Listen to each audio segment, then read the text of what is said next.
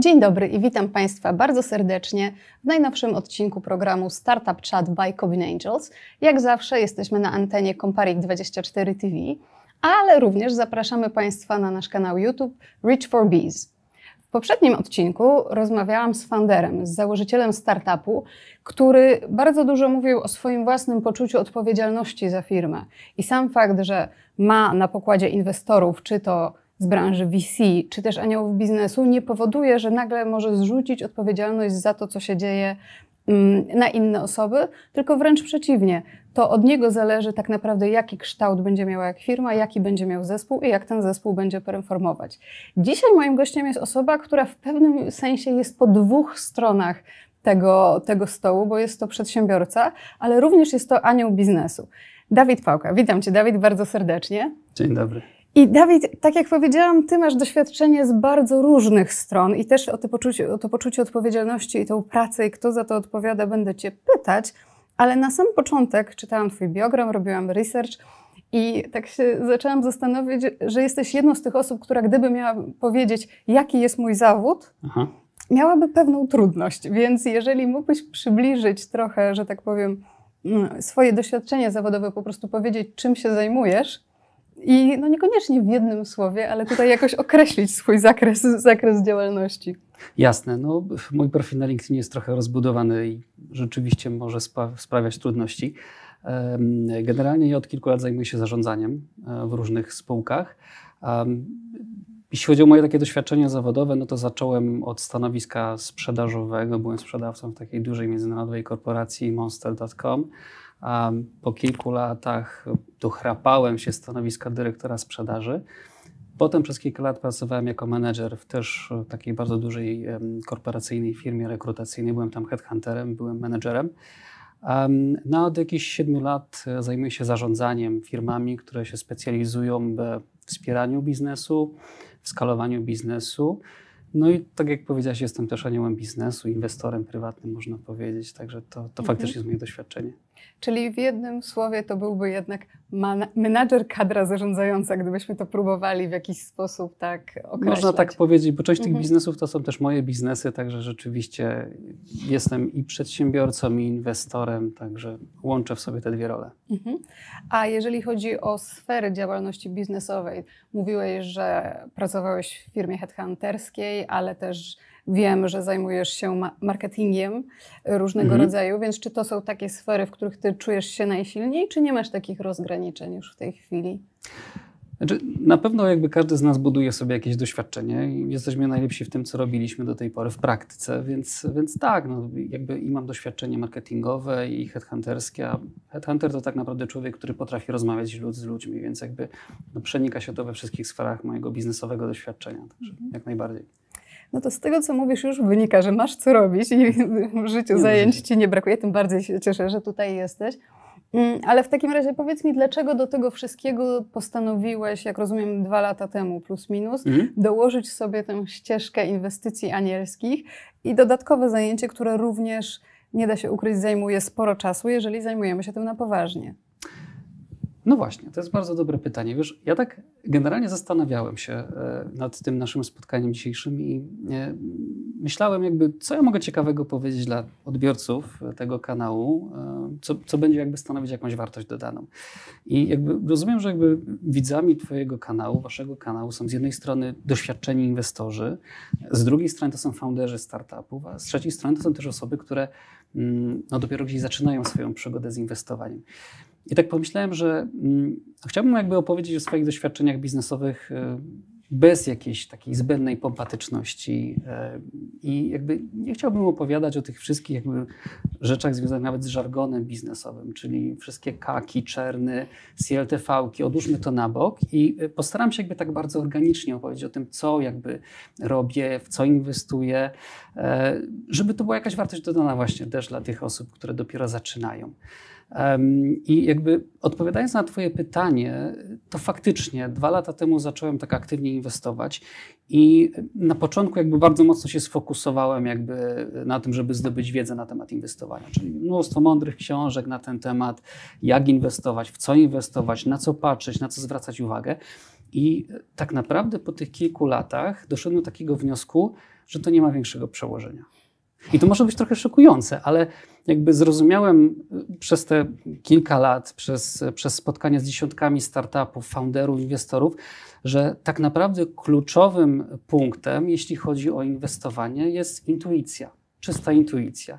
I to jest niesamowite, bo intuicja jakby nie wymaga tak dużo czasu. To znaczy, wiesz, widzisz jakiś startup i zastanawiasz się, czy on jest fajny, czy on jest ciekawy, wartościowy. Oczywiście muszą być założone pewne minima, no, no bo jakby muszą być jakby spełnione takie podstawowe rzeczy, które sprawiają, że w ogóle myślisz o tym startupie, tak biznesowo, ale jakby nie wymaga to jakiejś głębszej analizy.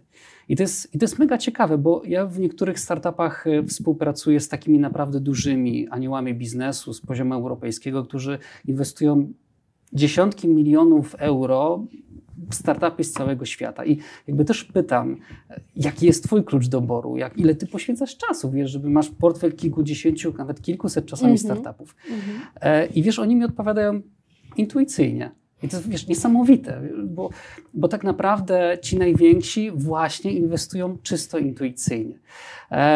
Zresztą ja myślę, że każdy z nas, każdy z aniołów biznesu ma takie historie, gdzie, gdzie może opowiedzieć, że wiesz, że był jakiś fajny startup, przyszedł do mnie founder, konie można by kraść z takim człowiekiem. liczby, no super, no fenomenalne, zgadzają się, potrzeba rynkowa jest, wszystko się zgadza, inwestują, no tylko kasę zbierać, i się okazuje, że to nie działa, że, że ten startup nie dał rady, nie poradził sobie.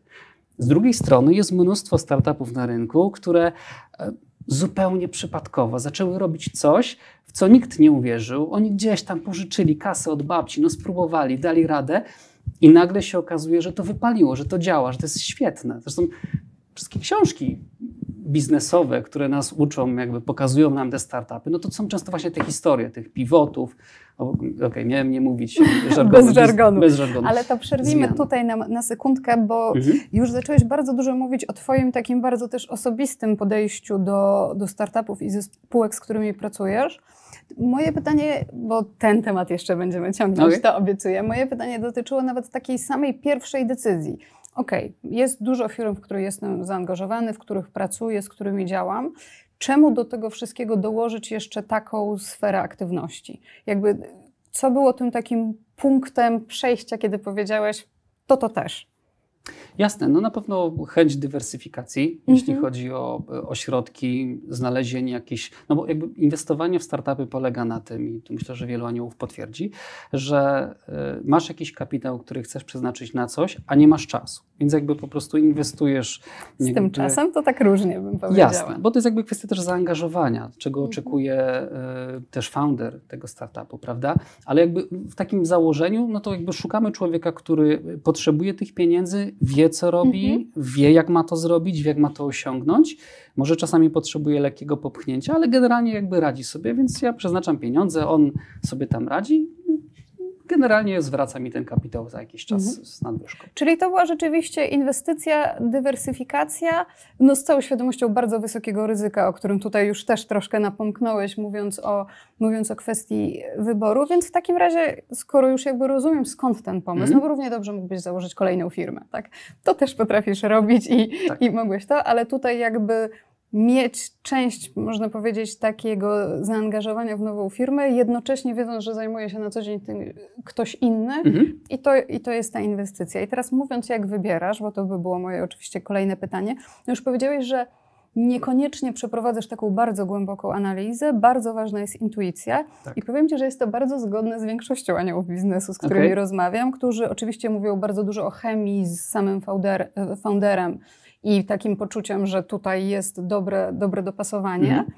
I też większość z nich, jak podpytuje, czy mają jakąś taką sformalizowany, czy mają jakiś sformalizowany sposób analizowania startupów, to też się okazuje, że nie bardzo. Tutaj pewnie jedną z istotnych rzeczy jest to, na jakim etapie się inwestuje. No i to mhm. często jest seed, pre-seed, czyli nie wchodząc w żargon znowu, moment bardzo wczesny, kiedy te tak. spółki potrafią nie mieć jeszcze specjalnie wysokich przychodów, czasami w ogóle ich po prostu nie mają, budują prototypy swojego produktu. Czy ty też na tym etapie wchodzisz?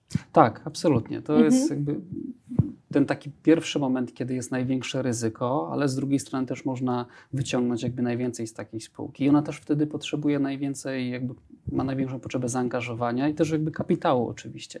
Także mhm. tak, to na pewno jest. Czyli już wiem, że bardzo istotna jest dla Ciebie intuicja, czyli Mhm. takie poczucie, że to jest coś ciekawego i co wzbudza w Tobie, no musisz o tym powiedzieć, jakąś ekscyta- ekscytację, czy chęć zobaczenia, gdzie dany pomysł pójdzie dalej. Jest już kwestia po, momentu rozwoju Mhm. firmy. Czy tutaj patrzysz jakoś bardziej na branże, na których się znasz albo w których coś robiłeś, czy też patrzysz szeroko i jeżeli sam pomysł Ci się spodoba, to, to wchodzisz? Znaczy, staram się inwestować tak naprawdę w spółki bardzo szeroko, czyli jakby poza moim obszarem kompetencji i tak naprawdę nie fokusuję się nawet na tym, e, żeby to był jakiś, powiedzmy, celuję w jakiś konkretny obszar rynku, jakby idę, tylko co fajnego wpadnie. Mam na przykład dwie spółki foodtechowe, gdzie nawet mieliśmy bez żargonu, tak? Dwie spółki, które specjalizują się w branży spożywczej, produkcji żywności, e, gdzie ja w ogóle bym nawet nie myślał o tym, ale pojawił się fajny pomysł, pojawił się fajny Mhm. founder, no i to było to, to było ten kliknięcie. Tak? I właśnie wystarczyła jedna rozmowa i takie kliknięcie, żebyś ty był przekonany, czy później jeszcze był długi okres, kiedy, e, kiedy musieliście więcej porozmawiać, dogłębniej porozmawiać o, o tym, co się dzieje? Różnie, różnie. To jest tak, że są startupy, gdzie jakby jest od razu ta chemia, tak jak mówisz, i jakby to od razu zadziała. Są startupy, gdzie Mhm. jakby potrzeba więcej spotkań. Mam nawet taki startup, w którym chemii w ogóle nie ma z founderem, ale jakby no, liczby są fajne. Fajni są inwestorzy, którzy weszli. Jakby to mnie przekonuje. Mhm.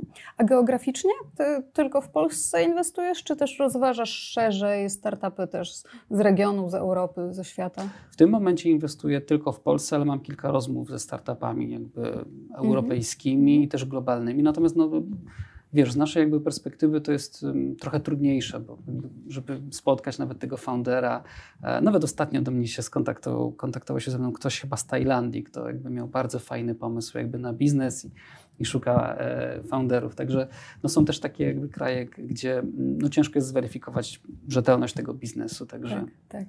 I z tego, co mówisz, też wynika jeszcze kolejna rzecz, że jest to dla ciebie zajęcie dosyć pracochłonne, bo jeżeli się nie mylę, masz w tej chwili cztery już startupy w swoim portfolio, dobrze mówię?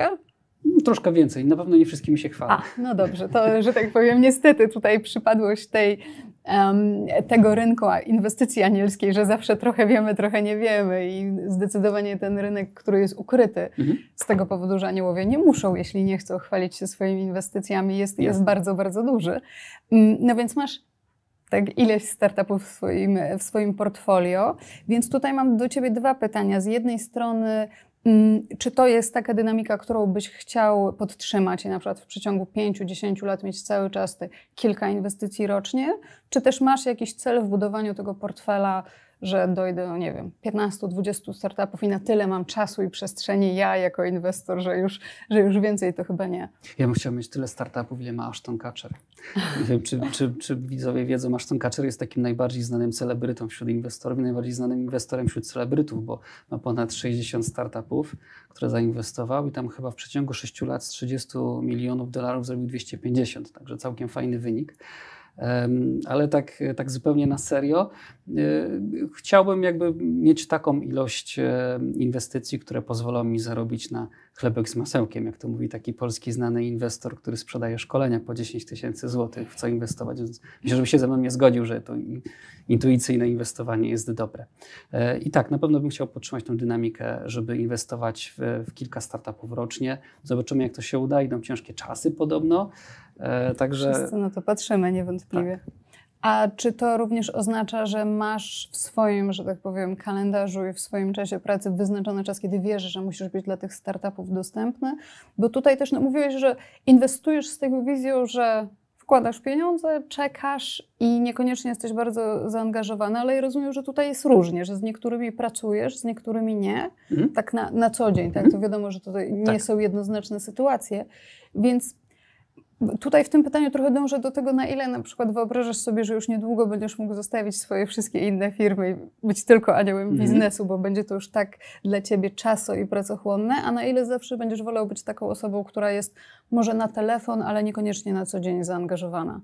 Znaczy, wiesz, to jest idealne rozwiązanie, żeby móc zostawić wszystkie swoje firmy. No bo jakby to jest Mhm. chyba coś, do czego e, in, właściciele biznesu zmierzają, że, że jakby tak skonstruować swoje e, biznesy, żeby one były samodzielne i żeby nie potrzebowały jakby nas, tylko żeby tam byli fajni ludzie, fajni menedżerowie i żebyśmy się mogli fokusować na innych rzeczach, a tam, żeby specjaliści to prowadzili.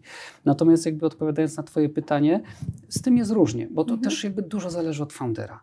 I ja spotkałem przeróżnych founderów, też inwestorów jakby w życiu i to są y, czasami founderzy proszą o ten mentoring, proszą o pomoc, proszą o wsparcie i to jest super, bo tak naprawdę jak oni nie poproszą, no to aniołowie raczej no, tak sami z siebie no, nie będą się narzucać, przynajmniej chociaż zdarza się i tak.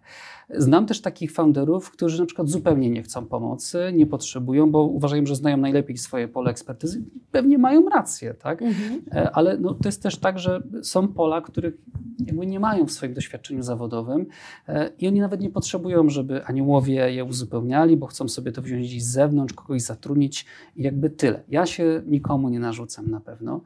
I m- mogę takie case'y fajne przedstawić, nawet z mojego portfela, bo, bo myślę, że case'y są zawsze najciekawsze. Oczywiście. Mam taki Mhm. startup na przykład, który no, ma genialnego foundera. To jest geniusz po prostu. Mm, e, e, Zebrał od inwestorów taką fajną grupę inwestorów, około 10, naprawdę tacy tuzowie biznesu. Właściciele potężnych polskich, międzynarodowych korporacji zainwestowali w niego.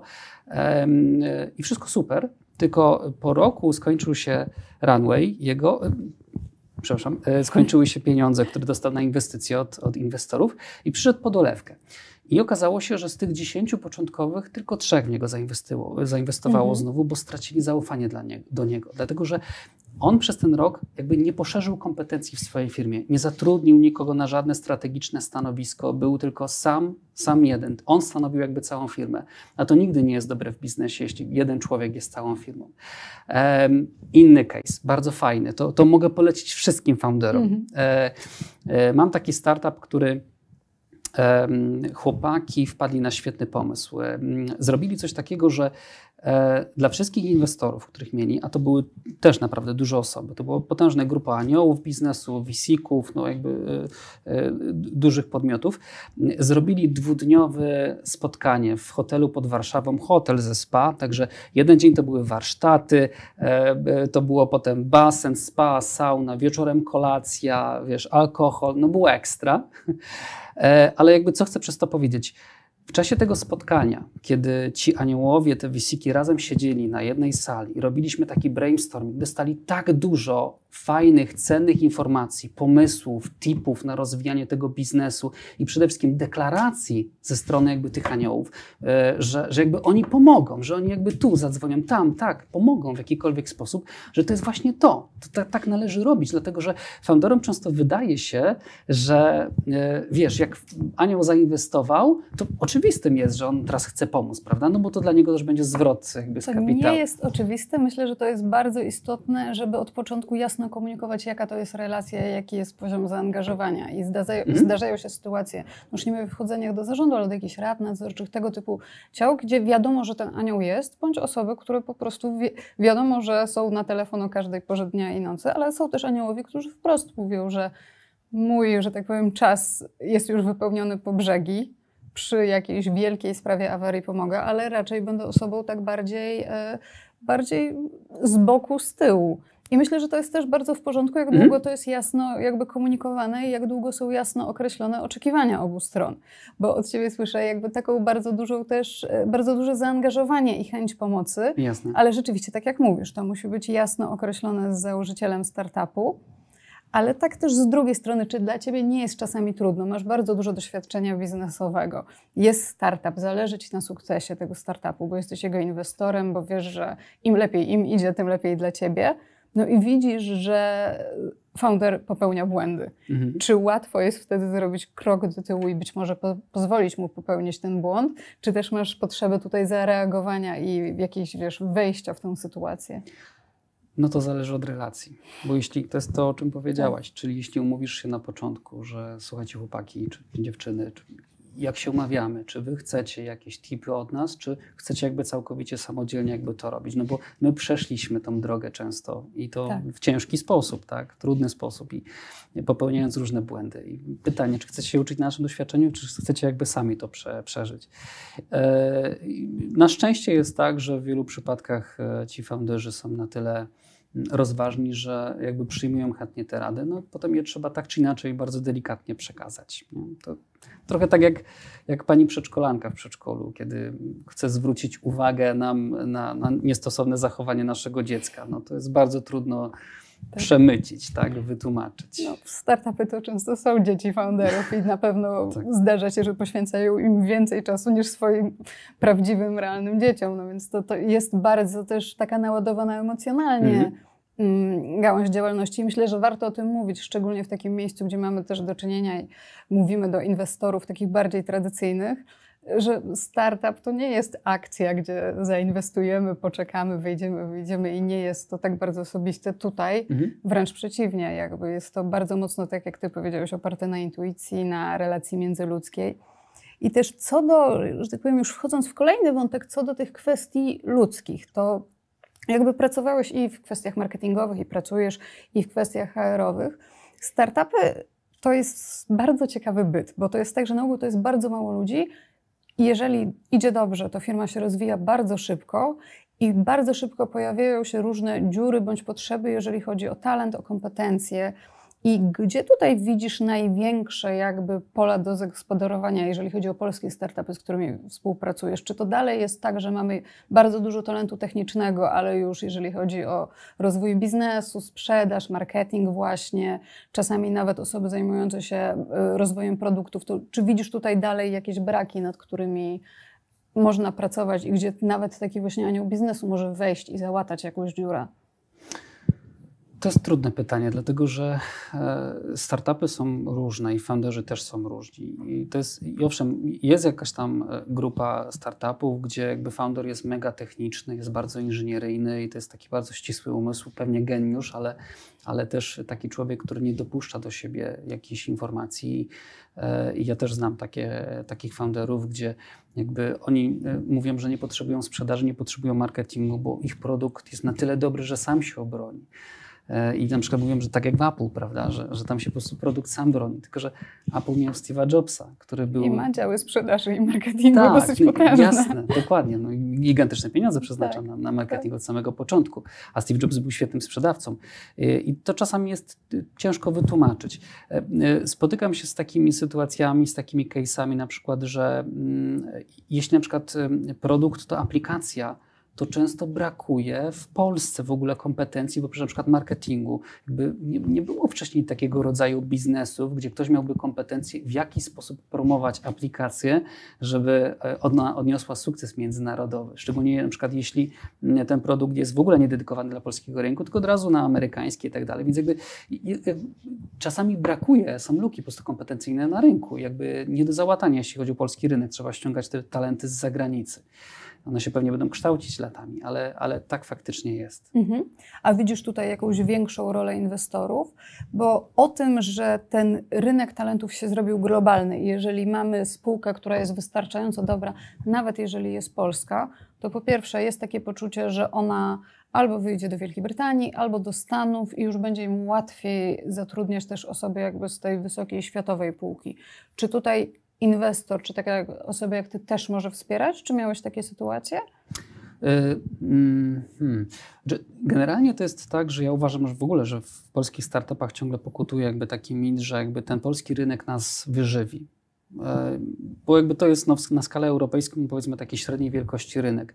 I uważam, że jeśli chodzi o founderów, to my powinniśmy zmienić mentalność na taką, jak jest w krajach bałtyckich gdzie jakby oni są na tyle mali, te kraje są na tyle małe, że oni od razu taki mają mindset na samym początku, że, że ten rynek nas nie wyżywi. My musimy myśleć o całej Europie, musimy skalować od razu, musimy myśleć o całym świecie. I tak pod kątem inwestorów, jak i pod kątem rynku na, na sprzedaż naszego rozwiązania. Więc jakby myślę, że tu w wielu przypadkach e, tym naszym polskim founderom jeszcze tego trochę brakuje, żeby tak myśleli już od razu globalnie na dzień dobry. Natomiast jeśli chodzi o wsparcie, my w naszej grupie kapitałowej, co ciekawe, mamy spółkę, która jakby generalnie wspiera startupy. Ona ma fenomenalne rozwiązanie dla startupów i mamy po prostu kolejkę jakby zainteresowanych, dlatego że ona zajmuje się, ma taki koktajl usług, taki miks usług grow hackingowych, jakby wspiera właśnie startupy w takim błyskawicznym wzroście. Tylko nie tak jakby strategicznie i tak dalej, i tak dalej, menedżersko, tylko przede wszystkim sprzedażowo. My się fokusujemy w 100% na tym, żeby wspierać startupy, jeśli chodzi o rynki, gdzie one mogą sprzedawać. I pomagamy im sprzedawać globalnie. A to, co jest najlepsze w tym rozwiązaniu, to to, że my to robimy zupełnie za darmo. To znaczy, robimy to na takiej zasadzie, że startupy nie ponoszą żadnej opłaty. Robimy to na zasadzie success fee, czyli jeśli my dowieziemy wynik, zrobimy sprzedaż, to dopiero wtedy ze startupem dzielimy się zyskiem. Co jest mega fajnym rozwiązaniem dla startupów, bo, no bo nic nie płacą i mogą sobie walidować różne rynki, gdzie warto sprzedawać, gdzie warto wejść, gdzie, gdzie mogą być ci klienci. A z drugiej strony dla inwestorów też jest super rozwiązanie, no bo nie ma nic wiesz, w kosztach, jakby nie ma problemu i i to jest świetne.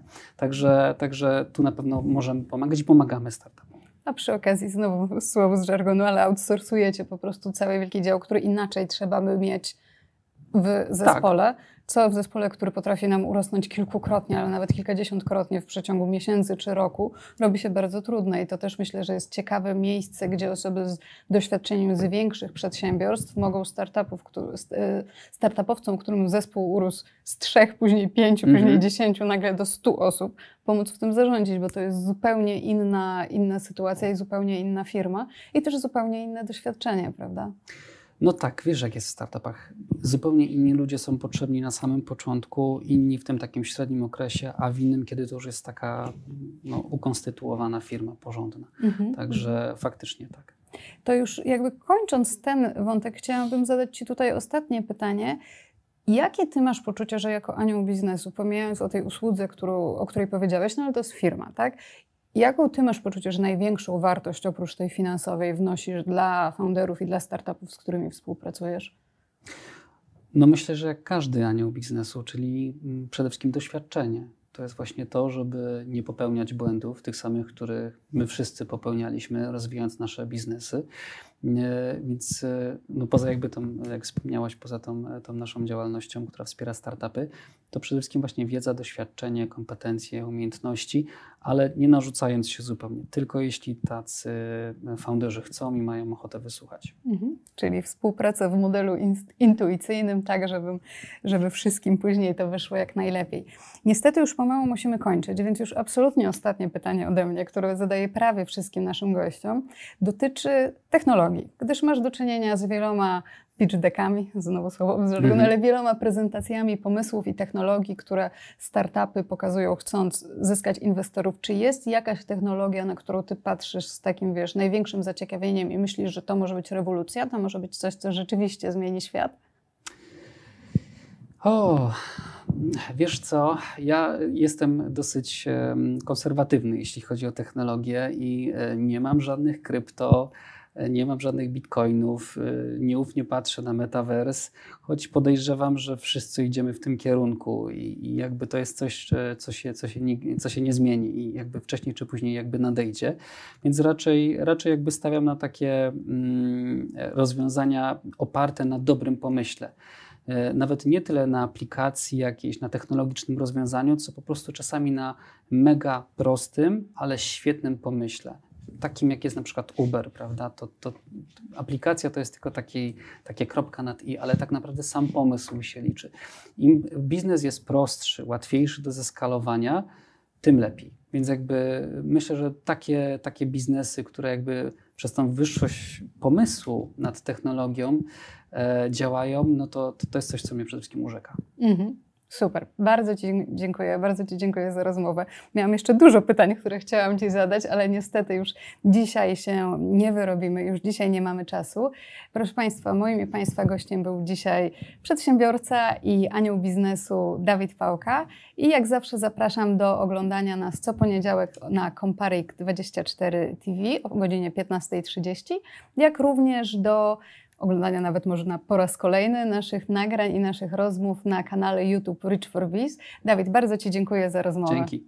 Dziękujemy i do widzenia.